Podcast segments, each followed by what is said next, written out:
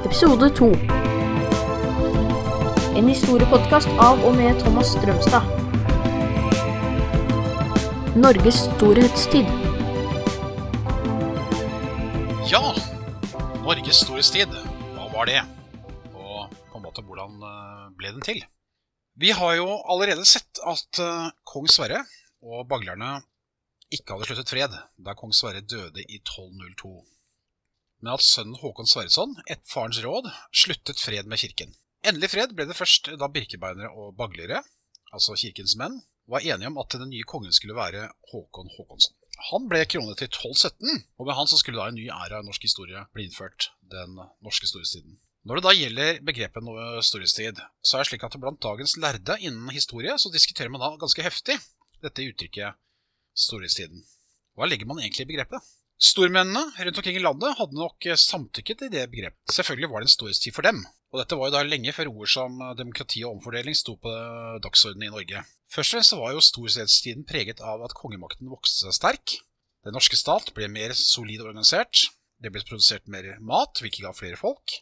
Norge utvidet seg og ble som stat stor og mektig. De som likevel fikk de trangere, var vanlige bønder. Mens stormenn og konger og konge levde da i stor luksus.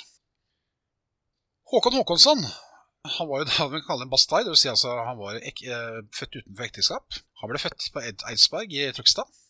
Han var eh, altså da uekte sønn av Håkon Sverresson og barnebarn av kong Sverre. Til å begynne med så måtte han da dele kongemakten med Skule Bårdsson, som i sin tid hadde akseptert han som tronarving. Skule var ikke helt begeistret for den unge kongespirren, og i 1239 så prøvde Skule å få Håkon av veien. Det endte i stedet med at Skule ble drept. En av de som sto på Skules side, var Snorre Sturlason. Skjelven og redd rømte han i landet og slo seg ned på, Island da Håkon knertet Skule. To år senere reiste nå Håkons menn over til Island, og like godt sørget for at Snorre også ble historie. Håkon var en intelligent og dyktig administrator. Og Klokt og systematisk bygde han da opp en sterk administrasjon, både sentralt og ute i distriktene. Et fasteråd som for enkelts skyld kan sammenlignes med dagens regjering, består av dyktige medarbeidere både blant verdslige og geistlige, altså blant kirkens menn, vokste da rundt Håkon. Videre så fikk man da et sentralisert kontor, eller kanselli, som da kan minne om dagens forvaltning, altså departementer og direktorat. Håkon videreutviklet eh, også lagting og utnyttet folk som skulle både dømme og hjelpe folk med juridiske råd. Og si at dette var på en måte forløperne da for også dagens jurister. Når det gjaldt styringen av distriktene i Norge, så delte da kongen inn i 50 områder. Disse ble kalt da sysler. Til å styre dem hadde man da sysselmenn. Dessverre så var det lite sysselkvinner. Deres jobb var å kreve inn skatt av bønder, sørge for ro og orden og sørge for at leidangsskipene var klare til å krige. Håkon Håkonsson var altså mannen som innførte den nye kongeloven av 1260. Tidligere ble man da konge hvis man var sønn av en konge og ble valgt. Håkon innførte det såkalte arvekongedømmet, som innebar at kongens eldste sønn fikk overta uten noe om og men.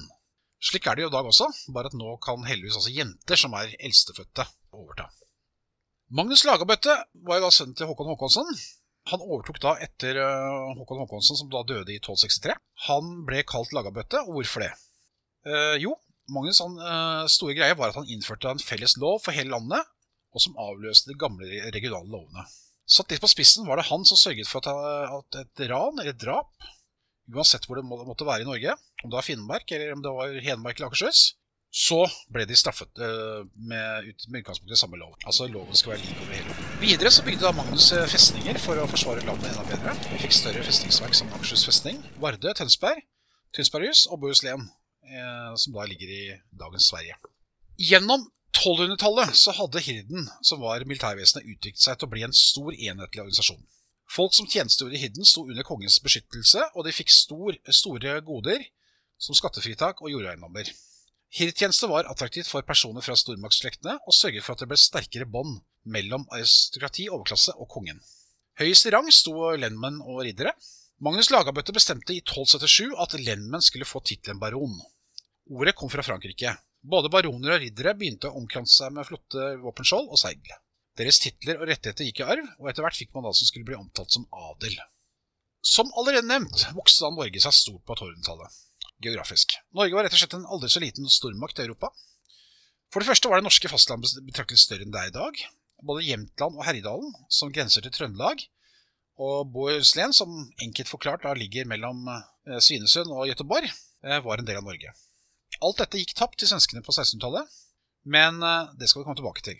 Norge hadde også tatt til seg øyene Island, Grønland, Færøyene, Shetland, Orknøyene, Hebriden og Man, som ligger i Irskavet, altså mellom England og Irland.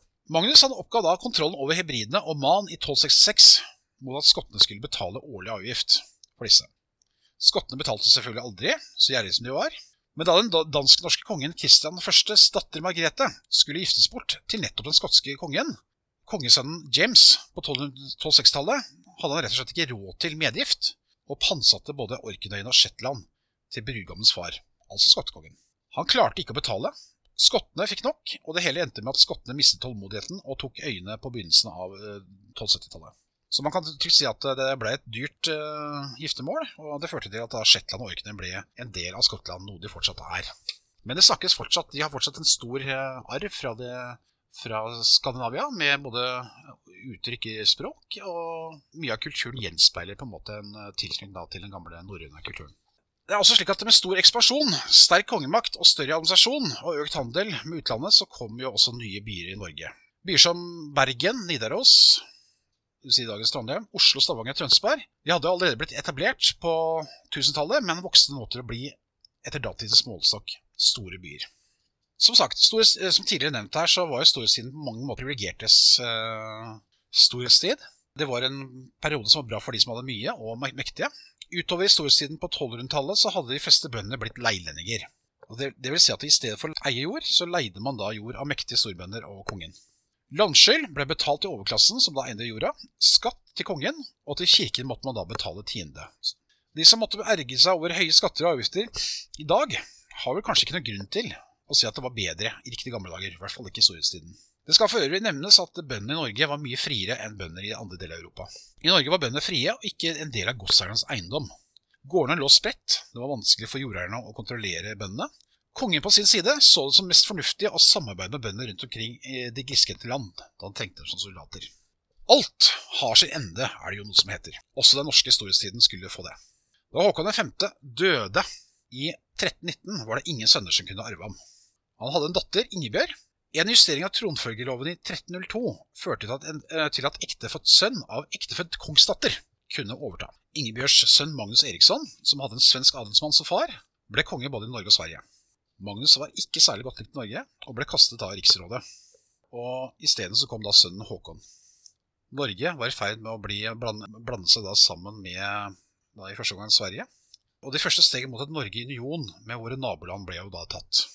Utviklingen fra 1319 og fremover handler om et selvstendig og mektig Norge som gradvis endte opp med å bli underlagt Danmark. Den reisen kommer vi tilbake til neste år.